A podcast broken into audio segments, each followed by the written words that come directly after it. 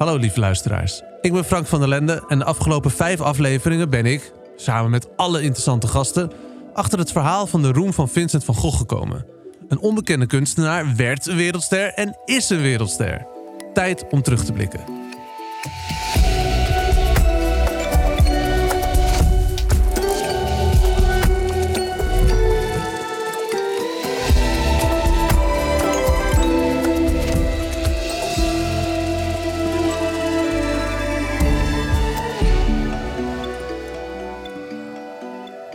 In aflevering 1 hebben we het gehad over de worsteling van de schilder zelf. Hoe zijn broer Theo hem ondersteunde, om hem gaf en hem de wereld gunde. Ze schreven elkaar talloze brieven en hielden onvoorwaardelijk van elkaar. Theo wilde niets liever dan dat het werk van zijn broer erkenning zou krijgen. Maar in ons verhaal hebben we helaas niet lang van de broederband kunnen genieten. Want kort na elkaar overlijden de broers. Hij overlijdt op 29 juli met zijn broer aan zijn zijde. En, en we weten dat hij nog tegen zijn broer heeft gezegd: Het leven is soms zo zwaar voor mij. Theo is daar helemaal kapot van. Ja, niet minder dan dat. En dan in januari overlijdt hij ook. 25 januari 1891 overlijdt Theo en in de week daarna wordt zijn zoontje 1. Hierdoor komt de gehele nalatenschap bij Jo van Gogh Bonger terecht. Hoe zij hier in de beginjaren mee omging, hoorden we in aflevering 2. Met een zoontje van een jaar oud en honderden kunstwerken. Voor welke uitdagingen kwam ze te staan? Waar begin je überhaupt met het grootmaken van een tot dusver onbekende kunstenaar? Helemaal zonder ervaring in de kunstwereld. De strategie van Jo wordt duidelijker en duidelijker. En ze tuigt een bijzondere tentoonstelling op in 1905. Tot nu toe de, nog steeds de grootste Van Gogh tentoonstelling ooit. Met 484 kunstwerken in het Stedelijk Museum. Die waren natuurlijk voor het grote, grotendeels allemaal nog in het bezit van Jo. Uh, en daar komen mensen uit Parijs en daar komen mensen uit Berlijn. Dit was slechts een voorbode op het grote succes. Want in 1914 brengt Jo brieven aan zijn broeder uit. We horen in aflevering 3 hoe dit proces in zijn werk ging en welke impact dit had op de bekendheid van de schilder. Daarnaast horen we hoe de zoon van Theo en Jo, in ons verhaal de ingenieur genoemd, het stokje overneemt van zijn moeder. Een grote taak. Hij heeft dat werk toch voortgezet, want hij, hij was zich ervan bewust. Als, als ik werken uitleen uh, aan tentoonstellingen, dan leren zoveel mogelijk mensen het werk van Van Gogh kennen. Ondertussen is de olievlek van roem van zijn bijzondere oom zich steeds verder aan het verspreiden. De waardering voor Van Gogh is voor een heel belangrijk deel te verklaren uit dat mensen in staat zijn om niet alleen dat levensverhaal te kunnen volgen, maar ook zien wat de waarde van kunst kan zijn. Hoe hij zich inzet voor het verspreiden van die olievlek, dat horen we in aflevering 4. Hij gaat, net als zijn moeder, zeer doelgericht te werk. Het uiteindelijke doel van de ingenieur is helder: de collectie bij elkaar houden en een museum oprichten. Eén plek waar de werken van de beroemde kunstenaar samenkomen. Maar ja, toen raakte hij al een beetje op leeftijd. En toen dacht hij van ja, er moet iets met deze collectie gebeuren. En uh, toegankelijk uh, blijven voor uh, het grote publiek. De kunst is voor altijd bij elkaar. De familie is voor altijd bij elkaar. En het museum is voor iedereen toegankelijk. ik denk dan vooral van, oh, wat zou hij ervan vinden dat nu zijn eerste achterkleinkind al in het bestuur zit. Hoe het museum en het verhaal rondom Vincent van Gogh zich ontwikkelt, dat horen we in aflevering 5. Want nu het museum er eenmaal staat, moet het wel in beweging blijven. Hoe gaat het in die jaren? Ook daarna is nog een heleboel aan het museum veranderd en verbeterd. Maar de, de weg die wij bewandelen is eigenlijk toen bedacht, denk ik. En hoe is de familie nu nog betrokken? Nu de vier hoofdpersonen in het verhaal, Vincent, Theo, Jo en de ingenieur, er niet meer zijn. Ik denk dat de invloed en de betekenis van Vincent van Gogh... dat dat blijft eigenlijk toenemen. Hij is heel toegankelijk voor mensen over de hele wereld. Deze aflevering staat in het teken van de toekomst. Hoe ontwikkelt het verhaal van Vincent van Gogh zich in de huidige tijd? Wat kunnen we nu nog van het verhaal leren? Ik spreek met de nieuwe generatie in het museum, de beeldbrekers, over de kracht van Vincent. Daarnaast spreek ik met de nieuwe generatie in de familie, Janne Heling. Zij vertelt me hoe Van Gogh, zijn verhaal en de familie de toekomst tegemoet gaan. Ik ga eerst in gesprek met de beeldbrekers. Dat zijn Gadisha en Kelly. Zij maken Van Gogh toekomstbestendig door zijn verhaal eigen tijds te maken. Hoe zien zij de kunstenaar? Uh, jullie zijn de beeldbrekers. Uh, wat doen jullie? Nou, als uh, beeldpreker staan wij eigenlijk voor het, maak, het museum inclusiever, diverser maken. En zorgen dat er eigenlijk een nieuwe doelgroep naartoe komt. Dus uh, alle toeristen zijn ook van harte welkom. Maar het is ook al leuk gewoon als die jongeren uit Amsterdam, uit de omgeving ook komen. En die hoeven niet allemaal rijke opa's en oma's te hebben. Maar ja, iedereen gewoon. Hoe zien jullie Van Gogh? Hoe zie jij Van Gogh? Ik raak heel erg geïnspireerd door Van Gogh. Sinds ik eigenlijk bij het museum ben gaan werken, heb ik zoveel geleerd over zijn ja, beleveniswereld, zijn verhaal, um, zijn kunst. Wat me vooral bij hem aanspreekt is zijn doorzettingsvermogen. Um, dat hij ondanks al zijn onzekerheden over de toekomst en zijn struggles met somberheid en eenzaamheid wel doorbleef schilderen. En wel echt um, productief bleef en eigenlijk de kracht van kunst nog steeds daarin geloofde. En dat echt bleef doorzetten. Dus dat spreekt mij heel erg aan aan Van Gogh. En als je dan met de blik van nu naar Van Gogh kijkt, dus, eh, zien we nieuwe dingen die we toen de tijd niet zagen, of 50 jaar geleden toen het museum ontstond niet zagen? Ik denk het stukje mentale gezondheid. Want dat is natuurlijk iets wat vroeger was je gewoon ziek en dat was het. Uh, dan werd je naar een tehuis gestuurd. En nu is er wel, uh, nu is er een heel groot gesprek over mentale gezondheid. En vooral dan onder onze doelgroep, denk ik, de jongeren. Dat is een heel groot ding. En daar zie je ook weer in hoe Van Gogh eigenlijk bij heel veel mensen daar ook een rol in speelde. Want hij was natuurlijk heel ziek. Hij had natuurlijk al die struggles. En toen was dat niet echt bespreekbaar, want hij was gewoon ziek en dat was het. En waarbij je nu echt een gesprek kan aangaan van hey, hoe gaat het nou met je? Hoe normaal is het dat iedereen nu naar een psycholoog gaat? Dat iedereen gewoon ja, bij iedereen terecht kan om ook over zulke dingen te praten. Dus over je mentale gezondheid ook. Ja, precies. Ik denk ook echt dat zijn kunst en het museum ook zeker een rol speelt om dat gesprek te openen en dat verder te stimuleren. En zijn kunst eigenlijk en zijn verhaal als middel kan gebruiken om daar gewoon ja, eigenlijk met z'n allen meer open over te zijn. Is er één werk of één passage die je echt direct heeft geholpen of waar je heel erg in herkende? Ik denk dat mijn persoonlijke band is dat hij mens was, dat hij een broertje van een grote broer van iemand was en dat hij daar heel erg in zijn menselijkheid stond. Ja, ik heb dus twee quotes eigenlijk gevonden die mij heel erg aanspraken. Heel graag, ja. Gelukkig voor mij hecht ik geen zins aan een overwinning. En in de schilderkunst zoek ik slechts een middel om het door het leven heen te slaan. Ik denk dat we veel meer kunnen kijken naar die ja, universele thema's die voorkomen in zijn werk en in zijn ehm, verhaal en uh, in zijn brieven, die eigenlijk voor iedereen relevant zijn. Dingen als ja, uh, moeilijke emoties, onzekerheid, liefde, vriendschap, familie. Dat zijn dingen waar we allemaal mee te maken hebben. Um, en ik denk dat we dat ook wel vaker kunnen belichten om zo die aansluiting, ook vooral dus bij jongvolwassenen, meer te vinden. Het is een universeel verhaal, ja. ja. Van, en van alle tijden. Ja. En hij was natuurlijk pas 27 toen hij zijn roeping vond. Ja, dus dat is ook een heel groot thema. Identiteit, carrière. Uh, wat wil je doen uh, in het leven? Waar sta je voor? Wat is je doel? Dat zijn dingen waar we allemaal mee te maken krijgen at some point. In deze podcast vertellen we heel veel verhalen over van Van Gogh. Vooral ook van na zijn leven. Hoe het tot zo'n nou ja, immens groot A-museum, maar vooral artiesten. Ja. Uh, wat, wat is er iets, is er iets van Van Gogh bijgebleven bij jullie wat iedereen moet weten? Een, een, of zo'n grote levensles of een klein detail. Dat wil ik delen met de luisteraars. Ja, wat ik heel erg heb ingezien is door het lezen van zijn brieven dat hij gewoon de manier hoe hij dacht en een beetje de ja, filosofische wijze van denken van hem en schrijven. En dat het best wel interessant is om daar meer over te lezen en daar meer over te zien. Wat er allemaal zeg maar in zijn gedachten omging. Zijn gedachten en emoties ook verwerkte in zijn kunst middels kleuren, kleurgebruik, eh, de scènes die hij schilderde. Ja, eigenlijk komt er weer dat stukje over mentale gezondheid naar voren. Om echt te kijken naar hoe hij kunst gebruikte om uh, als hulpmiddel eigenlijk voor zichzelf. En om, om daar, het leven aan te kunnen, toch? Precies, precies. om het leven aan te kunnen, ja, om het leven aan te kunnen. Om daar toch een stukje van geluk in te vinden. Ik denk dat dat nog wel een hele interessante is voor deze eeuw. En dat veel mensen zich daarin kunnen, uh, kunnen vinden. Om iets te zoeken wat hun gelukkig maakt. En een passie voor hun is. Uh, om je daarmee ja, eigenlijk gewoon het leven gelukkiger te maken. Zoals we ook eerder in deze podcast al hoorden, is het verhaal in de kunst van Van Gogh nog steeds actueel. Het is herkenbaar voor iedereen die wel eens met zichzelf of de wereld in de knoop zit, zolang je je eigen dromen maar niet uit het oog verliest. Dit geeft energie om door te zetten, net als de familie van Gogh. En die familie is nog steeds actief bezig met het nalatenschap van de kunstenaar. Zo ook Janne Heling. Ze zit in het bestuur van de Vincent van Gogh Stichting. De stichting die de ingenieur oprichtte om de kunst en de familie in te verenigen.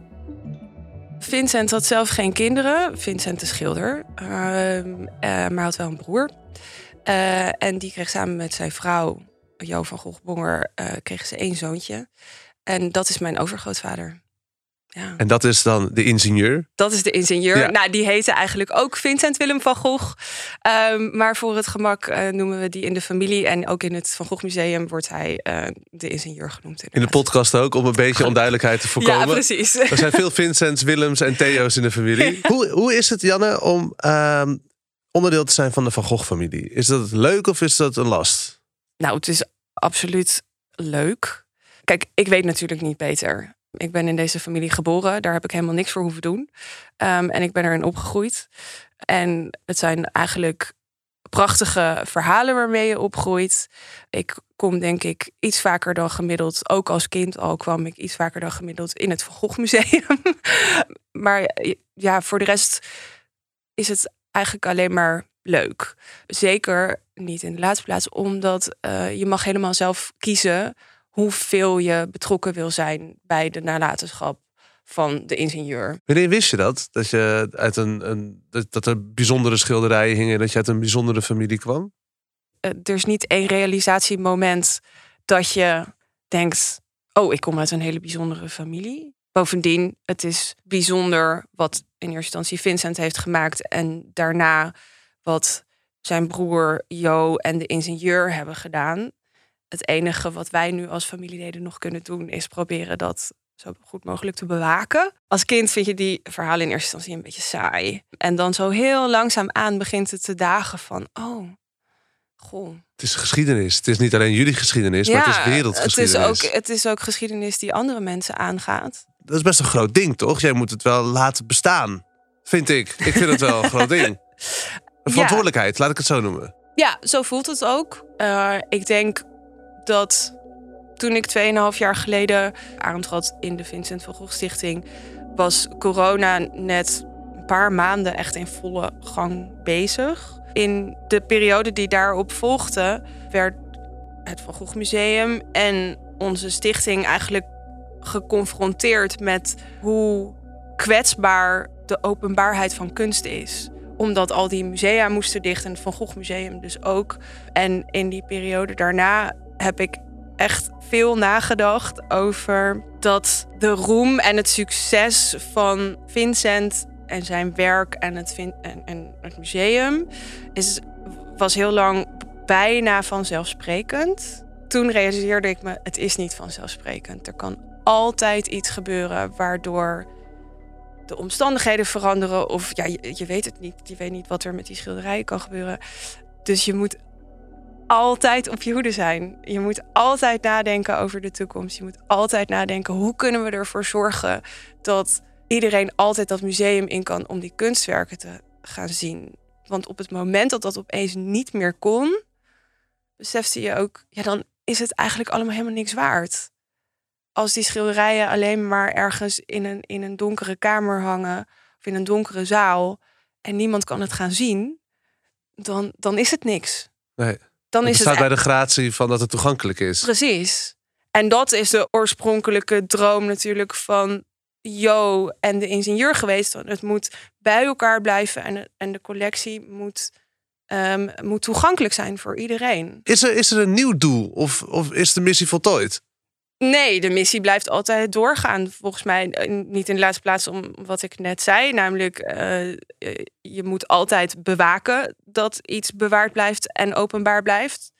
Want dat kan dus altijd veranderen. Is het ook de, de missie, misschien niet van de stichting, maar wel van nog steeds die olievlek verspreiden? Dat, je, uh, dat er los van zijn werk nu ook films over Vincent worden gemaakt, boeken. Uh, ja, ik refereer ook steeds aan Playmobil. Ik heb het thuis ook mm. zelf staan. uh, maar muismatten. Ik fietste gisteren hier door de stad en ik zag een jongen voorbij fietsen met een, een plastic slash linnen tasje met de zonnebloemen erop. Het, het, wat, wat is daar het idee achter om het zo te exploiteren? Nou, even voor de goede orde. eh, het, het, het copyright op eh, de afbeeldingen van alle schilderijen die Vincent heeft gemaakt en alle tekeningen is al lang vervallen. Dus in principe kan iedereen eh, een mok met de zonnebloemen erop maken. De ingenieur heeft op het moment dat er ontwerpen werden gemaakt eh, voor een museum. Eh, had hij in Amerika gezien dat er musea- museumwinkels bestonden. Dat bestond hier eigenlijk nog niet Echt echt. niet? Oh. Nee. Eh, dus hij heeft toen gezegd: er moet ook een museumwinkel komen. Want dat is goed voor eh, het verder bekendmaken van het werk van Vincent. Want dan kunnen we. En dat was toen heel simpel. Hè? Dat waren posters, aanzichtkaarten, echt dat soort, dat soort hele basic dingen. Maar dat is goed, want dan verspreidt zich die, die, die, eh, die afbeeldingen verspreiden zich over de hele wereld. Kan Vincent van Gogh nog groter worden? Zou heb je iets in gedachten of iets, ligt er iets in het verschiet? Dat je denkt, oh, we gaan daar exposeren of daar. Of, of we hebben nog een plan zus of een plan zo. Nou, voor Vincent eh, vind ik me dat kan. Ik ik vind dat moeilijk om me voor te stellen hoe dat nog groter zou kunnen. Je hebt wel heel veel. Je hebt nu nog steeds een ontwikkeling waarbij er op hele andere manieren tentoonstellingen worden georganiseerd. Je hebt de Van Gogh Experience, waar je door schilderijen heen kan lopen en zo. Ehm, dus daar zit nog steeds wel een ontwikkeling in. Maar ik denk eigenlijk wat nu. En mm, dat gebeurt ook met de tentoonstelling Kiezen voor Vincent. Dat er meer aandacht komt voor Jo van Gogh-Bonger en de ingenieur. En wat zij hebben gedaan. En ik denk met name het verhaal van Jo. Dat verdient nog wel wat meer aandacht. Ik denk dat er dat een heleboel mensen die dat verhaal nu nog niet kennen, dat verhaal wel willen kennen. Want het is een ongelooflijk inspirerend verhaal. Wat vind jij het meest inspirerende eraan? Dat ze eh, op haar 28ste eh, met een klein babytje achterbleef nadat haar grote liefde overleed. Met een gigantische collectie schilderijen waar op dat moment niemand een stuiver voor over had. Een heleboel mensen tegen haar zeiden: Ah joh, geef het aan iemand anders die er eventueel eh, hè, wat aandacht aan kan schenken. Maar brand zelf je vingers daar niet aan. En dat ze heeft gezegd: Nee, ik ga dat zelf doen als eerbetoon aan Vincent en Theo. Zonder dat ze van tevoren, zonder dat ze op dat moment kon weten dat het allemaal zo goed uit zou pakken. Ze had geen idee waar ze aan begon eigenlijk, zou je kunnen zeggen. En dat vind ik eh, voor mezelf, eh, persoonlijk vind ik dat heel inspirerend. Omdat ik denk dat als je keuzes maakt in je leven, dat je heel vaak heel erg bezig bent met. Oh ja, maar wat, wat nou als het niet lukt en wat nou als ik het niet kan? Maar daar was zij helemaal niet mee bezig. Zij dacht, waar, waarmee het begint, namelijk ik, ik geloof in die droom van Vincent en Theo en ik ga gewoon proberen om dat te verwezenlijken. En dat vind ik zoiets bijzonders. Het grote vuur wat in haar brandde. Ja, ja, het gaat om het, om het idee wat je wil verwezenlijken. Niet om wat de uitkomst daar uiteindelijk van is. En dat vind, dat, dat vind ik ontzettend inspirerend. Ja, en hoe vind je het dan dat wij als gewone hè, mensen die langs de zijlijn normaal staan ook veel beter die familiebanden leren kennen? Is dat ook intiem ergens? En dit hoort bij het verhaal van Vincent van Gogh. En eh, ik weet ook dat bijvoorbeeld juist eh, mijn grootvader en zijn broer en zus vonden het ook heel belangrijk dat dit verhaal goed verteld werd. Eh, hoe die collectie eh, is samengebleven en wat Jo en de ingenieur daarvoor hebben gedaan. Ja. Een enorme nalatenschap hebben ze afstand van gedaan. Of tenminste, de ingenieur heeft dat gedaan. Ehm, en eigenlijk het enige wat zij belangrijk vonden was dat het verhaal goed verteld werd. En dat, was, dat is natuurlijk, het is best een ingewikkeld verhaal. En omdat de roem van Vincent zo groot is, iedereen wil altijd gewoon die schilderijen kijken. En, en nu is het een keer zo dat er heel erg de schijnwerper op dat, op dat verhaal staat. En ja, ik ben gewoon heel blij dat dat een keer gebeurt.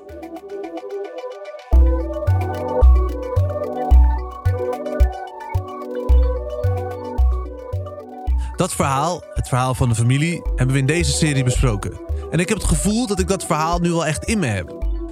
Maar wat vind ik er zelf eigenlijk van? Om Van Gogh en de weg naar wereldroem af te sluiten, ga ik samen met Harma van Uffelen napraten over alles wat we gehoord hebben deze serie. Harma is educator bij het Van Gogh Museum en heeft samen met Lisa Smit, die we in aflevering 1 spraken, de tentoonstelling Kiezen voor Vincent samengesteld. Daarnaast was ze nauw betrokken bij het maken van deze podcast. Jij uh, hebt uh, de afgelopen tijdje helemaal ondergedompeld in Van Gogh. Ik ben wel benieuwd, is jouw gevoel bij Van Gogh, na alles wat je hebt gehoord, is dat veranderd?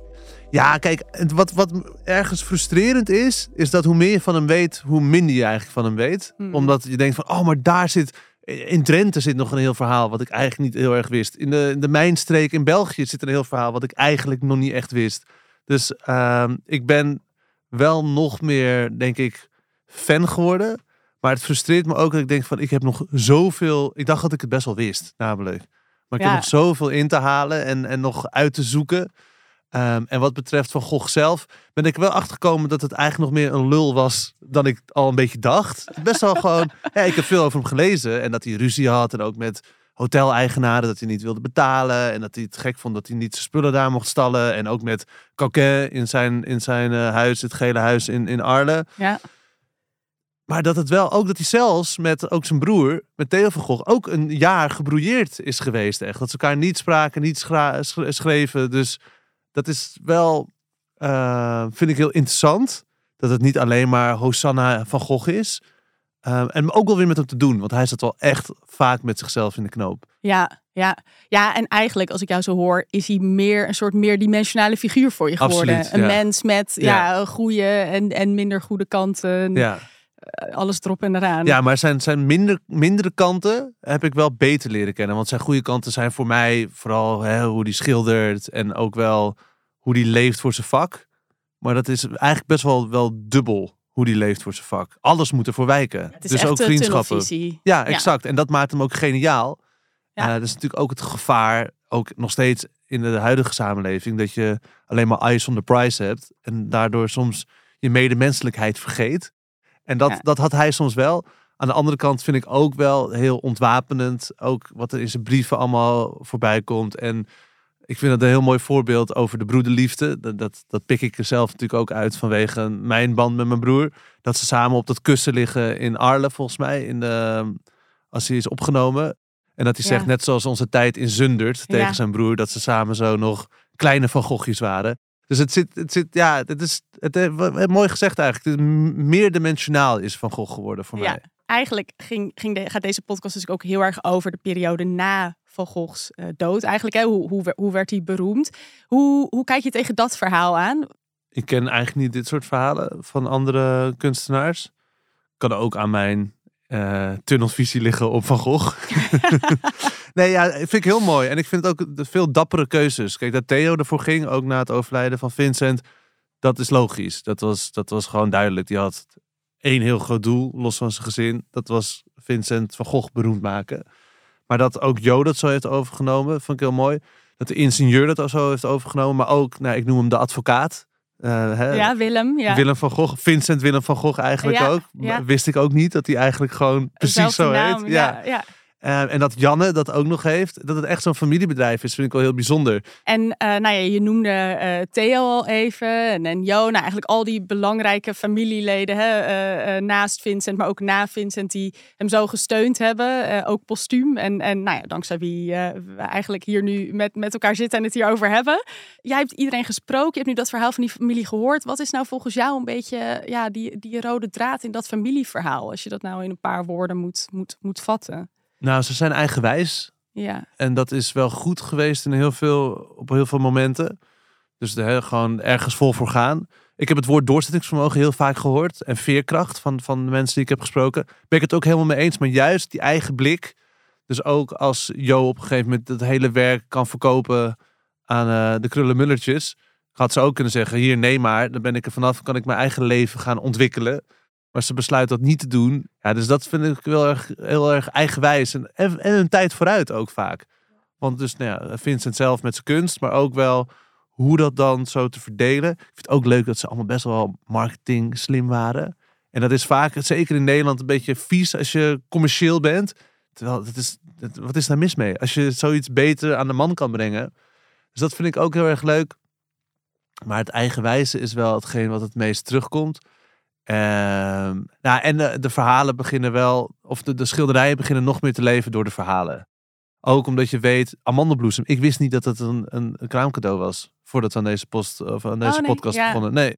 En dat is, dat is het, het verhaal ongeveer van deze podcast. Maar ook de andere stukken. Van dat ze hè, dat die toevallig daar terecht zijn gekomen. Of dat hij nou ja, alles als wisselgeld dan ruilde met zijn broer voor echt geld. Ik, ik had het wel gelezen, maar nu denk ik opeens, oh ja, het stond dus allemaal in zijn huis. Nou ja, en dat het ook bij de, de, de ingenieur thuis dan weer hing, dat die aardappeleters in de keuken hing.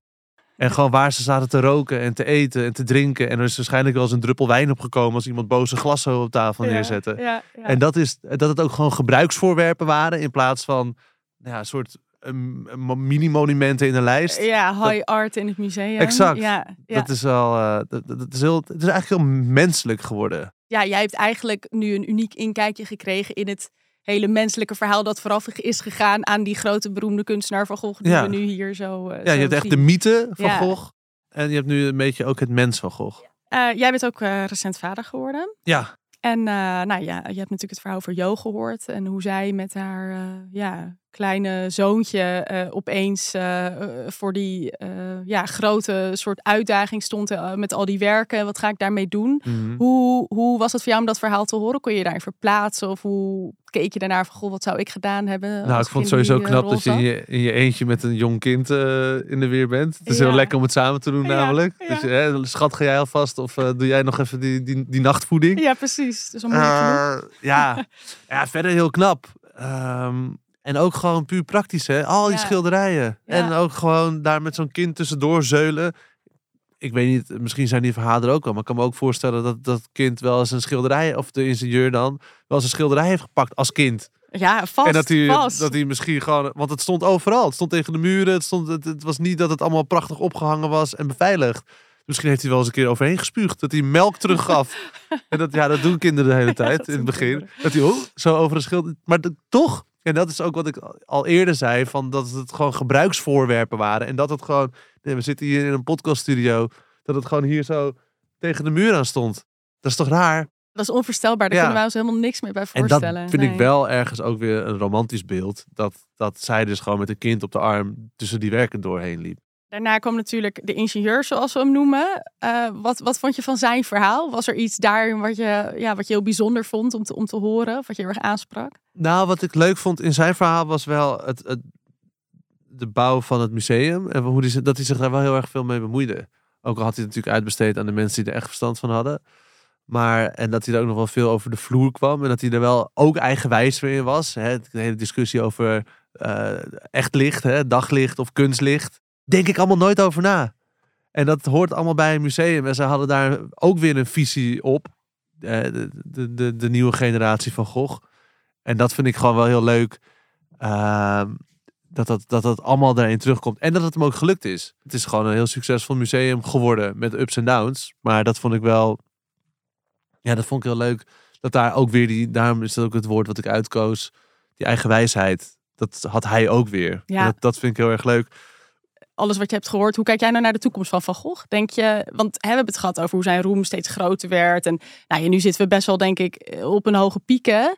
Kan het, kan het nog hoger? Kan het nog groter? Of, of niet? Ja, ik denk wel dat het nog steeds groter kan.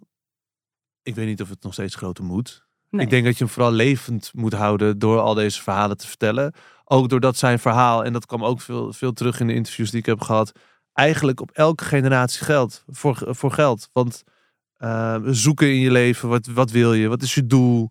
En ook al ben je 27, het is nog niet te laat om iets te vinden waar je passie voor hebt. En dat is natuurlijk heel mooi. Daarbij ook nog, het is makkelijker tegenwoordig om naar de psycholoog te gaan. Om eh, eens een keer of met een coach te praten. Ja. Of, nou ja, als dat, dat, eh, zijn geestesziekte is natuurlijk essentieel geweest voor zijn werk, voor zijn leven, voor het verhaal. Ik denk ik denk dat het belangrijk is dat je kan identificeren met. En als we het verhaal zo soms iets weten te spinnen dat het weer op deze generatie van toepassing heeft, ja, dan is het, dan blijft hij altijd leven. En meer dan alleen zijn prachtige schilderijen. Ja, ja dus eigenlijk, eh, als ik het eventjes goed, goed begrijp, gewoon weer teruggrijpen naar wat, wat zijn nou die dingen die hem zo'n herkenbare en ook aansprekende kunstenaar maken. Ja. In zijn levensverhaal ook. Zeker. En ook zijn beroemdste kunstwerken blijven uitleggen. Het verhaal van Van Gogh blijft groeien. Als we het onder de aandacht blijven brengen. Er zitten nog zoveel verhalen achter zijn kunst. En zoals ik het in het begin van de podcastserie ook al zei, hoe meer ik er eigenlijk over leer, hoe minder ik van Vincent van Gogh begrijp. Ik wil nog veel meer over de kunstenaar en zijn werk leren. Voor nu blijf ik me verdiepen in zijn verhaal en zijn prachtige kunst bekijken. Het laatste verhaal wat ik uitkies voor in mijn verhalenmuseum is logischerwijs het verhaal van Janne. Dat zij als achterkleinkind van de ingenieur betrokken is, de familie, het familiebedrijf van Gogh, om die droom te beschermen die Vincent en Theo ooit samen bedachten. Dat vind ik prachtig. Aangezien het mijn eigen museum is, dit verhalenmuseum, heb ik besloten om nog één verhaal eruit te halen wat mij is opgevallen in al die, al die gesprekken die ik heb gehad met mensen die met zoveel passie over die ene kunstenaar praten. En als je goed hebt opgelet, gaat er misschien wel een belletje rinkelen. Maar als ik zeg brandhuisingenieur, dan denk je misschien net als ik ook aan die schetsen. De schilderijen hingen daar, hè, de aardappeleters, amandelbloesem. Maar die schetsen die lagen daar in een kast. En als er brand is, moet er geblust worden. Dus dan wordt het een en ander wel eens nat. Wat de ingenieur uiteindelijk heeft gedaan, die heeft die schetsen dus gepakt, nat dat ze waren, in zijn voortuin gelegd om te laten drogen in de zon. Nou, dat beeld, dat gaat gewoon niet meer uit mijn hoofd. Dat daar schetsen van de grote Vincent van Gogh liggen, die nu miljoenen waard zijn. Gewoon in dat voortuintje, onbeschermd. Stel dat je langs fietste en er was een windvlaag en er vloog zo eentje in je gezicht. Dan had je gewoon een schets gehad van Vincent van Gogh. Nou ja, je hoort het aan mijn stem. Ik word er nogal enthousiast van, dus daarom is dit mijn topstuk in de collectie van mijn Verhalenmuseum. Dit was de podcastserie van Gogh en de weg naar Wereldroem. Dankjewel voor het luisteren, dankjewel voor je aandacht. En met al deze verhalen in je hoofd is het echt een aanrader om een keer te gaan kijken in het museum.